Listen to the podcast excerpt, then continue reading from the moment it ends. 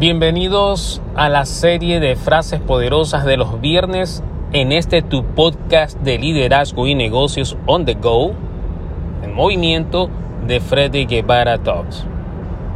Te saluda tu host, Freddy Guevara. La educación es importante. La educación es crítica porque te ayuda a construir una base sólida el fundamento que necesitas para empezar a construir y a desarrollar tu carrera.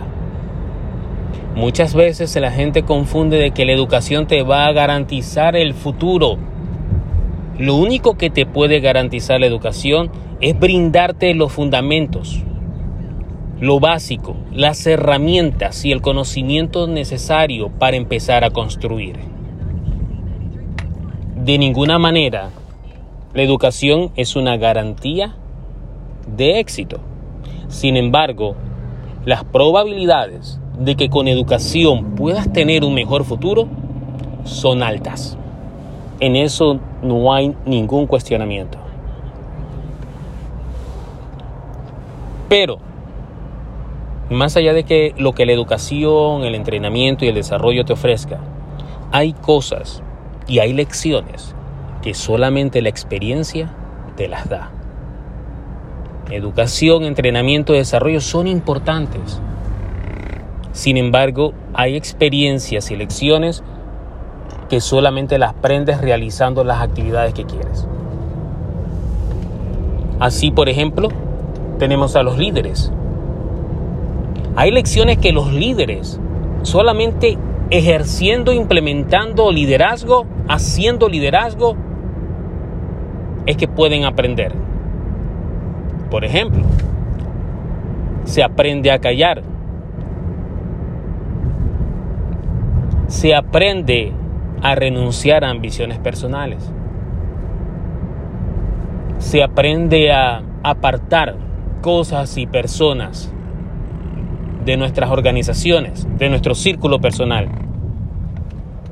Un líder con experiencia aprende a ver que nunca es tarde. Aprende a ver tendencias, patrones de conducta, de comportamiento. Aprende a ver dónde están las oportunidades y dónde están los riesgos. Es por eso que la frase poderosa de hoy dice que hay lecciones que los líderes solo aprenden liderando. Hay lecciones que los líderes solo aprenden liderando. Es la única forma. La única forma de saber cuándo callar, cuándo renunciar, cuándo hablar, cuándo batallar, cuándo dejarse vencer, cuándo despedir, cuándo contratar, cuándo hacer una inversión, cuándo no,